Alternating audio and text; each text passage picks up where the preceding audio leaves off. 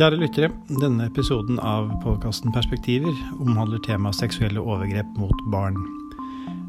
Episoden inneholder både omtale av og beskrivelser av seksuelle overgrep, så ta hensyn til det når du velger om og hvor du hører på podkasten.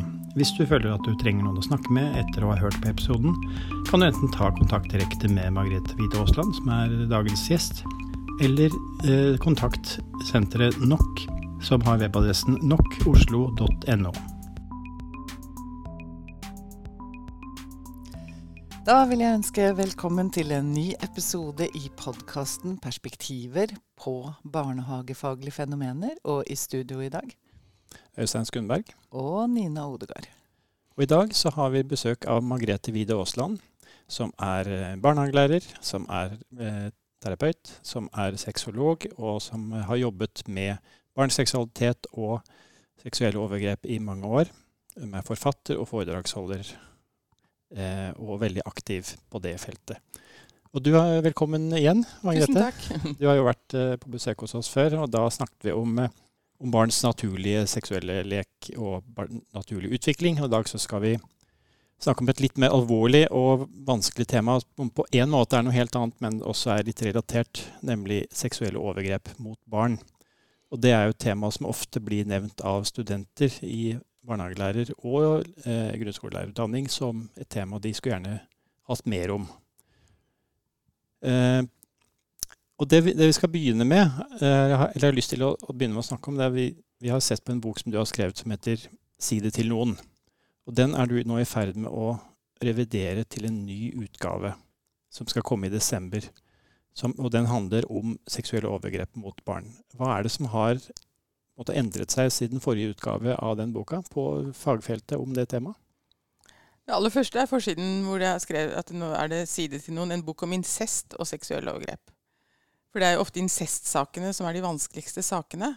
Og det, og det er de som er de størst utfordrende, for da er det jo en mor eller far ofte som har, er den som har begått seksuelle overgrep. Så jeg skriver litt Ikke har alltid skrevet om det, men altså legger litt mer vekt på det. da. Og jeg sier også noe om at, eh, at, det er vanskelig å forebygge det første seksuelle overgrepet. Og jeg sier også at I den boken eh, så skriver jeg også at det er eh, viktig å snakke med barn om seksualitet først. Før man snakker med de noe særlig om seksuelle overgrep, så ikke seksuelle overgrep blir en del av det første barn lærer. Mm. En ting som ofte man, man, lurer på, er liksom utbredelsen eller forekomsten av liksom, an, eller statistikk og antall og hvor ofte skjer dette mm. og sånn. Har det endra seg siden eh, forrige utgave av boka? Nei, altså du kan si at Statistikken er det samme. Omtrent ca. at 5, 25 jenter utsettes for seksuelle overgrep før vi blir 18, og ca. 12-14% gutter. Det er vel noe som man har, har vært sammen samme i all, mange, mange år. Men kan, det, det, det nye som man snakker om nå. Det er jo når unge begår overgrep mot andre barn. Altså ungdom med seksuell uønsket atferd, f.eks., eller barn med uønsket seksuell atferd. Det har jo fått en mye større plass i RVTS, altså Regionskontoret for vold og traumatisk stress, og også sånn nasjonalt nå, at man jobber veldig høylytt og mye mer med det, da, særlig rettet mot skole. da. Mm. Hva tenker du er de mest utbredte mytene og misforståelsene du hører om seksuelle overgrep mot barn? Det kanskje er det med at uh, man tenker at overgriperne ser sånn ut eller sånn ut, eller er lavklasse eller horn i pannen, eller det syns utenpå de. Og det gjør det jo ikke. Så det er vel kanskje den myten at man tror ikke at en snill person kan begå seksuelle overgrep.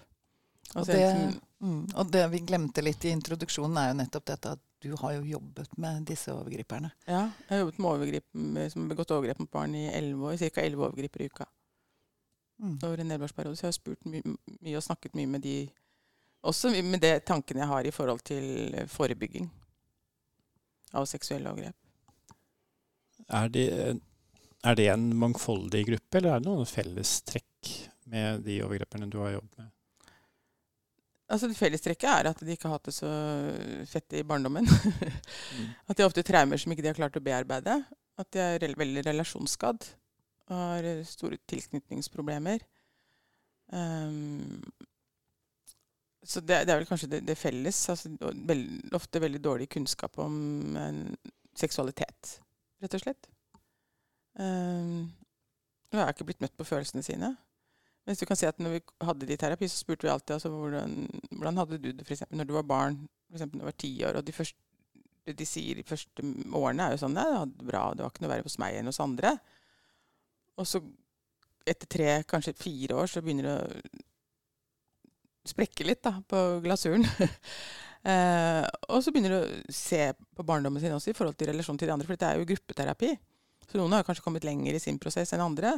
Så deler de historier, og så kan de sitte så snørr og tårer hagler for at oppveksten var ikke så fet allikevel, eller så fin og bra og, og, nær og varm som den skulle være. da.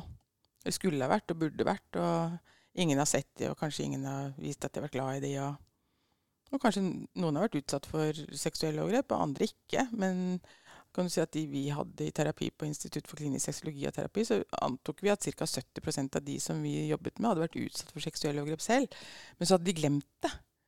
Og den smerten som de opplevde da kanskje etter tre eller fire år i terapi, når de kom på at de selv hadde vært utsatt for seksuelle overgrep eh, jeg tenker at Det er da det kan skje en endring, når de selv erkjenner at eh, jeg har gjort det samme mot barn som det grusomme jeg opplevde selv. Så da kan man lirke og lirke og lirke litt. Så det, kan, det er en veldig langvarig terapi som de er nødt til å gå gjennom da, og ha for å kunne kanskje komme heler ut på den andre siden. da. Tenker du at norske barnehageansatte og foreldre har et realistisk bilde på hva et overgrep er? Eh, og, og, og, hva risikoen for eller omfang, omfanget av overgrep er? Det er vanskelig å si, men jeg vet jo at alle er jo redde for at barnet, sitt eget barn skal utsettes for overgrep. Man er redd for at det skal utsettes for overgrep hjemme, eller redd for at det skal utsettes for overgrep hos andre barn eller hos, uh, i barnehage. Um, og vi hører historier hvor det skjer. Altså, vi vet jo at barnehageansatte har begått overgrep. Vi vet at foreldre begår seksuelle overgrep. Eller at noen foreldre, ikke alle foreldre. Altså, så vi vet at det er i nærheten av oss, for det skrives jo ganske mye om det. Så jeg tror at man er ganske realitetsorientert i forhold til det. Eh, men når det gjelder incest, altså, altså sånn når det er en av nære omsorgspersoner, så, så, tenker man at det kan ikke være mulig. For overgriperne gjør jo alt det de kan for å komme i posisjon til å misbruke barnet seksuelt.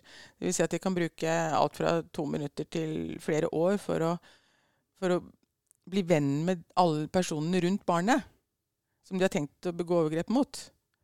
Sånn at da har jo ikke barnet noen å si fra til. Så det er jo ganske kalkulert og overveid. Sånn at de jobber for at du og jeg skal like de, og så når barnet da forteller, så tenker jeg hun eller han kan ikke ha gjort det, for de er jo så hyggelige og søte. Og så, så Nå glemte jeg litt av spørsmålet ditt, men Nei, det er bare det med ja, om, om, vi har et realistisk bilde om hva et overgrep er, da. Ja, jeg eh, tror kanskje, kanskje at man har et realistisk bilde av hva overgrep er. For det er jo skrevet veldig mye om. Eh, men man orker ikke på en måte forholde seg til det og blar kanskje forbi og tenker at dette er grusomt og, og sånn. Men um, jeg tror veldig få vet, vet, hvordan fremgangsmåten er til overgrip, de som begår overgrep mot barn. Da. Og Det er jo nettopp den kunnskapen du sitter med fordi du har eh, hatt disse overgriperne mm. i terapi mm. over så lang tid. Mm. Eh, og det blir jo viktig kunnskap å kjenne til. da. Ja. ja. Og så er det jo dette med omfanget, som også lå i spørsmålet. Ja, eh, ja jeg kan si noe om omfanget, for det jeg glemte å si i stad at det er, eh, nå er det jo mye overgrep på nettet. Og det øker jo anmeldelsene kolossalt. Og det øker også altså De som blir anmeldt for seksuelle overgrep mot barn på nett, altså der, ligger jo bevisene i tusenvis av bilder av barn. Så de blir jo dømt. Men allikevel så, så, du kan si at raten i forhold til å da oppklare eller at noen blir dømt, er jo større i forhold til at med de sakene som gjelder incest og seksuelle overgrep, der er det ikke flere som blir dømt. Der kan det se ut som at det er enda flere som, som uh, slipper unna. Du nevnte jo dette med, med, manipuleringen av barnet og det hemmeligholdet rundt og sånn. Og da er det jo ofte, og det er gjerne det store eh, vanskelige for de som jobber med de barna, at det er eh, Hvis det ikke er noen veldig åpenbare fysiske tegn på overgrep, så er det ofte hva barnet forteller. Mm. Og, og, små barn forteller enten på sin måte eller når, på, på, det tidspunktet som, altså Når de forteller, så forteller de, og så kan hende de ikke sier noe om det igjen.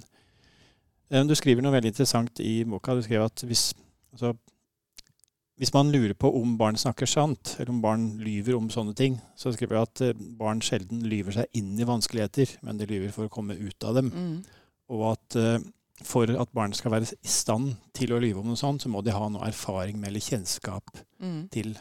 Kan du, du kan si litt hva mm. du eh, tenkte på med, med, det? Ja. Um, det var flere, flere, spørsmål i det, det spørsmålet, som ja. var noe jeg hang meg opp i. Men, men uh, for det første så tenker jeg at uh, barnehagebarn de viser signaler på at noe er gærent. Det er ikke fremst og fremst det de sier, men hvordan barnet er. Og barn under seks år altså i barnehagen de, de, kan forsnakke seg. Og de skjønner ennå ikke truslene som, som, er i rommet når overgrep skjer, at ikke de skal si til noen. Um, så det at barn uh, sier noe F.eks. at det kommer, kommer, støv ut av tissen til pappa. Altså, Barn kan forsnakke seg når de er så små. De skjønner ikke at det er, er ulovlig. måte, At de har ikke skjønt det ennå. Men skammen kan jo også være stor og kan være smertefullt, det de opplever. Men noen kan, ganger kan det jo til og med være godt at de syns det er deilig når eh, de blir tatt på tissen. Men det er jo for, når de ansatte får en sånn magefølelse på at her er det et eller annet gærent Det er noe med den ungen. Det er jo der det ofte starter, da. Mm. Og Man skal ikke latterliggjøre denne magefølelsen som jeg har hørt at noen foredragsholdere gjør. Det er ikke til å latterliggjøre, for det er den følelsen man får når noe er gærent. Man får den dårlige følelsen når man har en kjæreste som har problemer, eller det er snart slutt. Eller, altså Man får en magefølelse. Det er helt naturlig å få. Og så må man få det opp i hjernen. da. Og prøve å finne ut hva kan grunnen være til at jeg fikk den, får den magefølelsen når jeg møter det barnet. Og snakke med de andre ansatte tenke hva, er det med, med Ola, hva er det med Mustafa, hva er det med med Cecilie nå, for det er et eller annet som har skjedd. Jeg får en sånn dårlig følelse på at det er et eller annet. Eh, og så kan de si noe. ikke sant? De kan si at eh, pappa liker veldig godt å kile meg, særlig tissen. Eh, og et eksempel på det som du ville ha altså sånn, lyst til å nevne en far som gikk fra barnehagen med barnet sitt. Han holdt barnet på fem år i hånden og skulle til mammaen. Han hadde daglig omsorg. Og mammaen så barnet annenhver helg. Og så går pappaen nærmer seg huset der mammaen bor, og så sier barnet, den lille gutten til pappaen sin, 'Pappa, jeg vil ikke til mamma.' Og så sier han, 'Hæ, vil du ikke til mamma?' sier han. 'Fortell.' 'Nei, jeg vil ikke til mamma, for det lukter vondt av tissen til mamma.' 'Hæ, lukter det vondt av tissen til mamma?' Hva mener du? Ja, det lukter vondt av tissen til mammaen, jeg må slikke på tissen til mamma, mamma tar seg på puppene og lager rare lyder. Er det løgn, da? Hvor skulle hun ha det fra? Så jeg tenker at Faren er jo sånn gudenådet. Altså han er altså virkelig en nådegave i forhold til å snakke med ungen sin. Uh, så dette historien kunne evnt helt annerledes hvis det var en far som ikke hadde fulgt opp. da. Um, og tenk, for eksempel når et barn da sier det lukter vondt av tissen til mamma, jeg vil ikke til mamma for det lukter vondt av tissen hennes, så kunne denne pappaen sagt nei, men slutt å tulle, det lukter ikke vondt av tissen til mamma, nå må du slutte å tulle. Ikke sant? Eller han sa vondt av tissen. Hva, hva mener du? Det lukter vondt av tissen til mamma. Jeg må slikke på tissen til mamma. Mamma tar seg på puppene og lager rare lyder. Så du kan sagt sånn må du ikke si. Hva er det du snakker om? Dette er jo bare tull. Så kunne ungen følt at han hadde sagt ifra til pappa, og at pappa aksepterte at mamma gjorde det hun gjør, og at dette er ikke noe jeg kan ta opp flere ganger.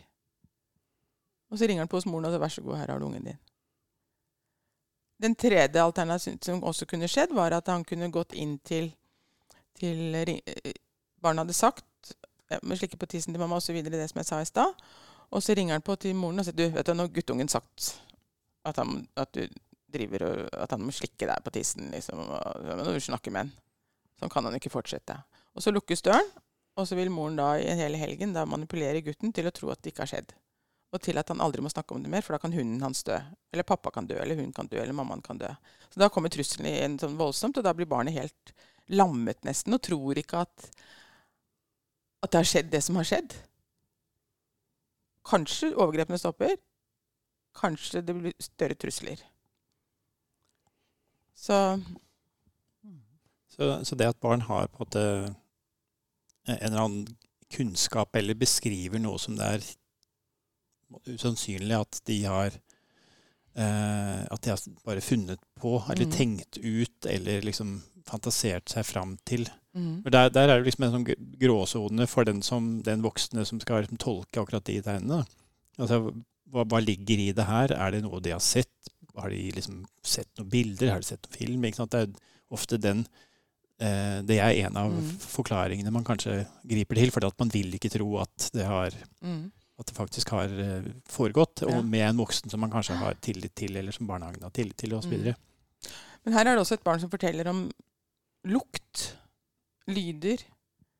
Eh, Kan, vil dere ha et, et eksempel til som jeg hadde i egen barnehage når jeg jobbet i barnehage, hvor var en, et barn som eh, som sa at, eh, at Først hadde vi gode og vonde hemmeligheter og, og gode og vonde opplevelser.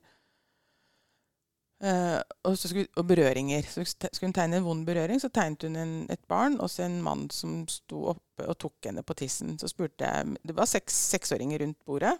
Og så spurte jeg Helene hva er det da. Så det er når pappa tar meg tissen, sa hun. Og, så var det egentlig ingen som reagerte noe særlig på det. Og så fortsatte vi å tegne, og så spurte jeg om hun kunne hjelpe meg å være med ut på kjøkkenet og lage formiddagsmat. Og så spurte jeg hva er det du liker når du er hos pappaen din, da? sa jeg. Og så fortalte hun det. Og så spurte jeg hva du ikke liker når du er hos pappa, da. Pappa har så stivt skjegg, sa hun. Og pappa har stivt skjegg, sa jeg. Ja, sånn, det stikker så fælt på lårene om morgenen, og pappa slikker meg i tissen. Er det løgn, da? Altså, det er noe, det derre spontane og det som bare kommer ut av ingenting, på en måte. Eh, og hvorfor skulle all verden skulle barn fortelle det? Når de er, og de aller fleste barn som blir utsatt for seksuelle overgrep, halvparten av de har jeg lest at uh, blir utsatt for seksuelle overgrep før de blir seks år. Første overgrepet skjer før det. Over halvparten av de som da utsettes for incest eller seksuelle overgrep som barn. da. Men er det de, de små barna som uh, Altså det, disse truslene om at Mm. hun dør, eller mamma kommer i fengsel, eller Mm. pappa eller sånt, er, eh, er, det, er det de eldre av de barnehagebarna som, eh, som blir redde av det? De skjønner det ikke så godt ennå. Altså, de skjønner det ikke så godt. Altså, de, og de vet jo ikke det som skjer, hva det er som skjer, hvis ikke de har snakket om f.eks. seksuelle overgrep. Altså, de må jo også lære at, altså, må, Barn må jo lære, at, eh, lære om seksuelle overgrep, men det er jo alltid sånn at de må snakke om den positive siden, og at det er lov å ta på tissen sin, og, og så videre. Og Få lov til å leke litt med hverandre, og leke doktor og undersøke hverandre. Og hvordan barn blir til. Men, men samtidig så må vi også selvfølgelig også snakke om det at ingen har lov til å gjøre noe med tissen eller rumpa eller munnen din. Eh, og det vet og Ikke alle voksne er snille. Alle, ikke alle voksne gjør, eh, kan voksne gjøre ting med barn som ikke de har lov til å gjøre.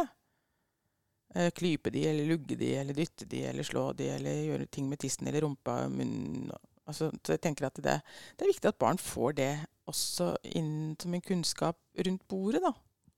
Hvis ikke nødvendigvis at man skal sitte rolig i en samlingsstund og høre alt som har om seksuelle overgrep og, og, og seksualitet på en samlingsstund, men at det er sånn som det små drypp gjennom hele året. Bøker og Altså, du har jo da jobbet med voksne som er utsatt for, eh, for overgrep som barn. Hva, hva forteller de, eh, og hva skulle de ønske hadde skjedd? At noen hadde spurt det, det, altså, Mm. det, de, skulle at noen hadde, de må ha sett at noe var gærent. Det er Mm. veldig vanlig av de voksne utsatte.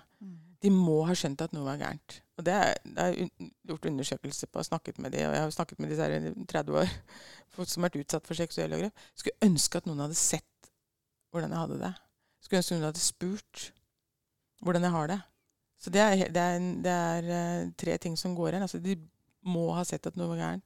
Skulle ønske at noen hadde spurt. Og en tredje ting er at eh, de er glad i overgriperen. Det Og håper at det skal Mm. slutte. Ja, jeg er litt sånn usikker på den lojaliteten når Ja. du nevner det. For eh, jeg tror de er mer redde. Ja. Og så, og så er de usikre, for de vet egentlig ikke hva som skjer. For at eh, seksuelle overgrep er jo en ordløs forbrytelse. Det blir ikke sagt noe annet enn lukke opp munnen eller ta av deg buksa. Mm. Det, er det blir ikke sagt noe. Og det er sjelden at det er øyekontakt. Så, så det er bare noe som skjer. Og du vet at en person som da er eh, seksuelt opphisset og skal ha sex med et barn Det er lyder, det er pust, det er en helt annen stemning, og dette skal være hemmelig. Og de kan godt si 'hysj, dette må du ikke si'. Det kan også små barn høre, men de skjønner ikke helt hva det betyr å ikke skulle si noe. Så derfor så kan det hende at de forsnakker seg. Mm. Hvis de har en voksen som sier 'Hvordan er det med deg? Jeg ser at du er så kjempelei deg i dag.' 'Nå gråter du jammen mye. Når du, er du lei deg, da?' 'Du er jammen mye sint.' Er det noe du er aller mest sint for? Jeg kan si at det er, det er, du merker når det er en unge som det er noe med. altså. Mm. Og så må man bare prøve å skrelle løken og finne ut hva det er. Prøve Prøv å finne ut hva er det for noe. Man kan ikke spørre barna er det noe som har tatt deg på tissen. Nei, man kan snakke om eh, er det noe som gjør noe med deg som ingen andre gjør. Vi må stille åpne spørsmål, og at barna må ha en sånn fri fortelling. Så vi må bare hjelpe barnet til å snakke. og Det finnes også bøker som kan hjelpe oss i, i gang. Og det finnes også nok av, av sånn, snakke sammen. Og det er mange, mange, mange, ting som er laget som kan også bidra til at uh, barnehagelærere kan få hjelp til å, å, snakke med barn og også få kunnskap. da. Er dette et sånt tema som ofte eh, som barnehager aller helst ønsker å sette bort, på en måte? Ja, altså, sette bort i den forstand at de prøver å få andre inn til å snakke om det. Andre organisasjoner eksempel, som kommer og snakker med barn om incest eller, og seksuelle overgrep kanskje en time, halvannen, en halvtime. Um, jeg syns det er kjempeviktig at barnehageansatte får den kunnskapen, at de kan få den kunnskapen, og så kan de fortelle den i små porsjoner til barn.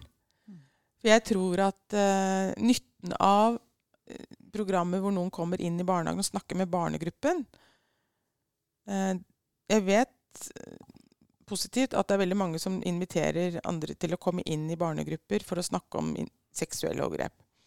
Og da er det ofte at de peker ut det barnet med blå bukse og rød genser. For at man tenker her er de er bekymret for det barnet. Og det er jo kjempefint. Men noen ganger så, så, Jeg tror at barnehageansatte må, og barnehagelærere spesielt må få den tryggheten og selvtilliten og kunnskapen som gjør de trygge til å ta dette temaet selv gjennom hele barnehageåret. At det er ikke noe som skal snakkes om torsdag 15. ikke sant? Det er noe som kan Det siver litt her og litt der. Sånn at vi vet jo når barn lærer, så nytter det ikke å sette ned et barn på en halv time, og så lærer de alt mulig. For det kan også være at barn kan misforstå etter en sånn foredrag. For fra en, en, institusjon som kanskje kommer. Sånn som det var en liten gutt som gråt når han kom hjem fra barnehagen en dag og sa at han kommer til å komme i fengsel. Eh, som hadde hatt eh, en, en, forelesning fra noen andre som kom utenifra. Og så spurte pappa altså, kan du komme i fengsel. Ja, for de sa i barnehagen at jeg kan komme i fengsel hvis jeg tar noen på tissen. Og han hadde tatt av en nabojente på tissen. De hadde lekt med tissen til hverandre. kom det fram.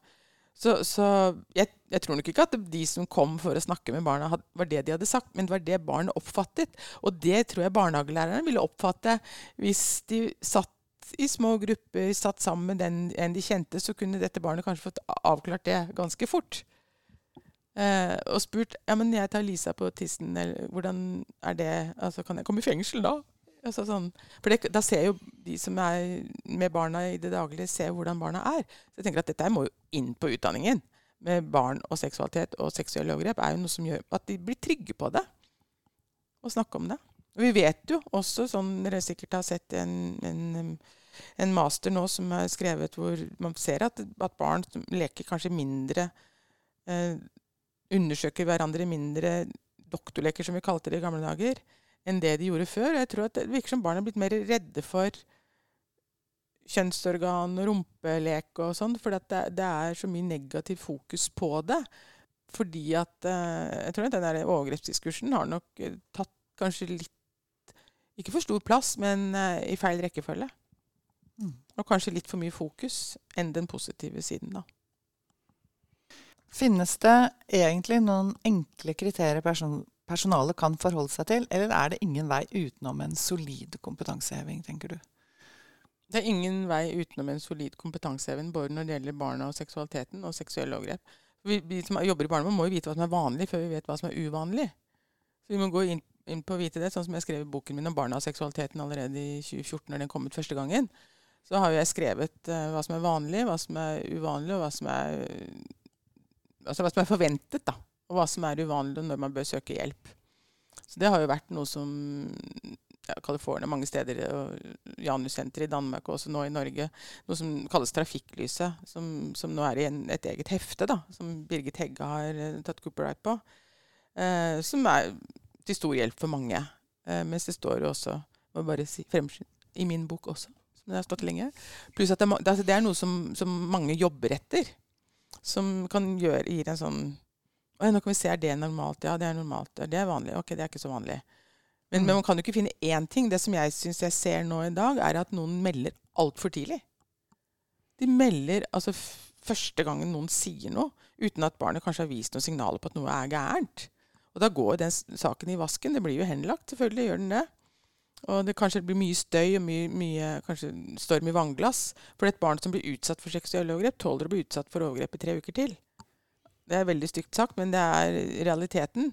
Eh, for at man er nødt til å jobbe grundig. Man må ha en loggbok. Hvis man er mistenksom eller bekymret for om barn utsettes for seksuelle overgrep, så kan man ringe anonymt til bl.a. til bar Statens barnehus. Man kan ringe til NOK, altså Sentrene mot seksuelle overgrep og incest. Og man kan ringe til barnevernet. Mange, og man kan ringe anonymt og, og drøfte og snakke. du vet det er, og Mange kommuner har jo også en tverretatlig team hvor de kan drøfte sakene. Og Statens barnehus er veldig flinke også til å kunne eventuelt at man kan ha sånn tverrfaglige møter sammen over Teams eller telefon. Så det er mange muligheter for en person og en personalgruppe at vi lurer på om et barn sånn og sånn. Og så kan man si nei, dette her virker ikke sånn. Ok, Så må man skrelle løken og prøve å finne ut Det skal ikke avdekke det. Jeg syns at det blir litt feil brukt i barnehager. At barnehager skal ikke avdekke, de skal melde en bekymring. Barnehageansatte er ikke, er ikke de skal, de skal, det er ikke deres oppgave, mener jeg, å avdekke, men de kan komme med en bekymring som de da, mener jeg, kanskje noen ganger kanskje bør gå direkte til politiet med. Noen ganger så går de innom barnevernet, og så gjør barnevernet enda en observasjon. Men ha is i magen og altså Avdelingsmøte, loggbok, avtal neste møte. Og undersøk og snakk med folk som kan noe om disse tingene. Eh, Statens barnehus, barnevern, tverretatlige grupper som er i mange kommuner. Og nok altså incestsentrene, incest og seksuelle overgrep. Mot, uh, altså Senter mot incest og seksuelle overgrep. Mm. Så det er mange nok å, å, å, undersøke. Hvis man ikke har den kompetansen fra utdanningen sin, så må man ta ansvar selv og, og inn, få den informasjonen og kunnskapen. da. Signalene som barn gir, det fins jo i bøker og rundt mine bøker bl.a., men også på RVTS og NKVTS og mange, mange, steder. Men jeg har lyst til å si noe om de somatiske, altså fysiske tingene. da, veldig, For det er veldig mange av de signalene som vi sier at barn viser, det kan også være tegn på andre ting. Mens når det gjelder eh, bare sånne fysiske ting som alle, enten man har 14 års utdanning eller kommer rett fra videregående Et barn som har vondt i maven, altså vil, vil observer, kunne observere da, eh, et barn som har mye vondt i maven, mye vondt i hodet. Stramme, spente muskler. Du har mye vondt i maven. Det er ikke uvanlig at barn som har så mye vondt i maven, som de kanskje tenker på ting som de syns er vanskelig. Hvordan er det å være deg, da? For du kropp, er det noe som gjør noe mot deg som ingen andre gjør? Eh, og det kan være det at de eh, har problemer med å no, Noen spesielle matvarer kanskje, som kan minne om, det vi, om, om uh, sæd, f.eks. Ikke alle barn som ikke drikker melk, har vært utsatt for overgrep, men altså, noen kan virkelig vegre seg. Og vet at de kan ha søvnproblemer. Um, så det er en del sånne ting som, som, barn kan vise fysisk, da. Som vi også skal være klar over. At det, er, at det er ofte det som kommer til uttrykk. Altså jeg, før vi avslutter, så har jeg veldig lyst til å stille det siste spørsmålet her. For eh, eh, tross alt det vi har snakka om, så, så, er det noe med å beholde det trygge forholdet mellom voksne og barn i barnehagen. Med kos og kroppskontakt og utfoldelse og et sunt forhold til egen, egen kropp. Hvordan, hvordan, skal vi jobbe med det? Vi må være glad i barna vi jobber med. da. Også, fordi De fleste er jo ikke overgripere. Og de fleste barn blir ikke utsatt for seksuelle overgrep. Så vi skal ikke gå rundt og lete etter overgripere eller som, barn som har vært utsatt for seksuelle overgrep. Så det er viktig at de som jobber med barn, sånn, har et trygt og godt forhold til sin egen kropp og seksualitet. Og så er det viktig at vi lar barn få lov til å, å få et trygt og godt forhold til de menneskene de jobber, som er sammen med de i barnehagen. sånn at det, en fortrolighet som at barn tør å fortelle hvis det er ting som de opplever som er vanskelig. Altså hvis du har et trygt og godt forhold til ungene, så vil også ungene kunne ha et trygt og godt forhold til deg. Tusen takk skal du ha, Margrethe Wied Aasland, for at du kom og ville snakke med oss i, eh, i podkasten i dag. Og vi er eh, Øystein Skundberg og Nina Odegaard. Og dette er perspektiver på barnehagefaglige fenomener.